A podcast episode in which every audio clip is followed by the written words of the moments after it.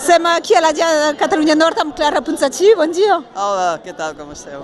És important de, de ser aquí a les diades, a les jornades reivindicatives i festives també?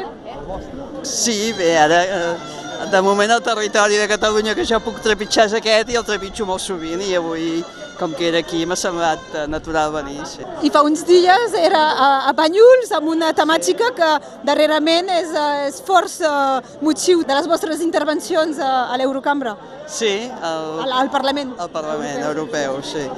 El tancament del port de Banyuls, com altres, eh, altres passos fronterers entre Espanya i França, és, eh, és un tancament que separa els catalans del nord i del sud i que no podem acceptar, perquè està en contra del tractat eh, de Schengen i perquè tenim dret a anar i venir eh, del nord i del sud sense, sense restriccions i és, és una vergonya que, que l'estat francès insisteixi en, en aquesta separació entre els catalans. Què, què us diu el nas de, de com anirà aquesta, aquesta qüestió a nivell europeu? És que, és que hi, ha, hi ha fils que es mouen o és que és més complicat?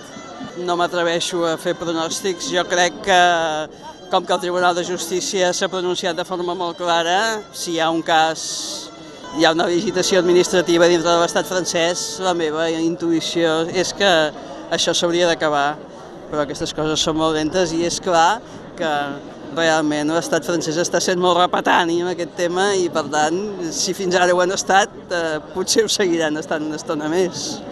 I també us vam veure fer algunes passes més enllà d'aquestes roques. Com va anar aquesta escena? Ah, bé, perquè m'havien convidat a ser-hi i vaig, un cop vaig ser a dalt em va semblar ridícul eh, sentir-me restringida perquè hi havia unes roques i per tant, com que hi havia, hi havia molta gent a l'altra banda, doncs vaig anar a parlar amb ells i eh, no té més importància, però vaig, en tot cas, eh, té una certa importància simbòlica.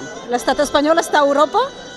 L'estat espanyol em, judicialment no està a Europa. Eh, clarament hi ha molt, diverses decisions dels tribunals europeus que han reconegut el nostre estatus com a eurodiputats i com a, i com a receptors d'immunitat i l'estat espanyol insisteix en mantenir vigents unes ordres de detenció que són il·legals. Eh, jo crec que això encara encara durarà i, i per tant, mentre això duri, l'estat espanyol no és un estat de dret a dintre Europa.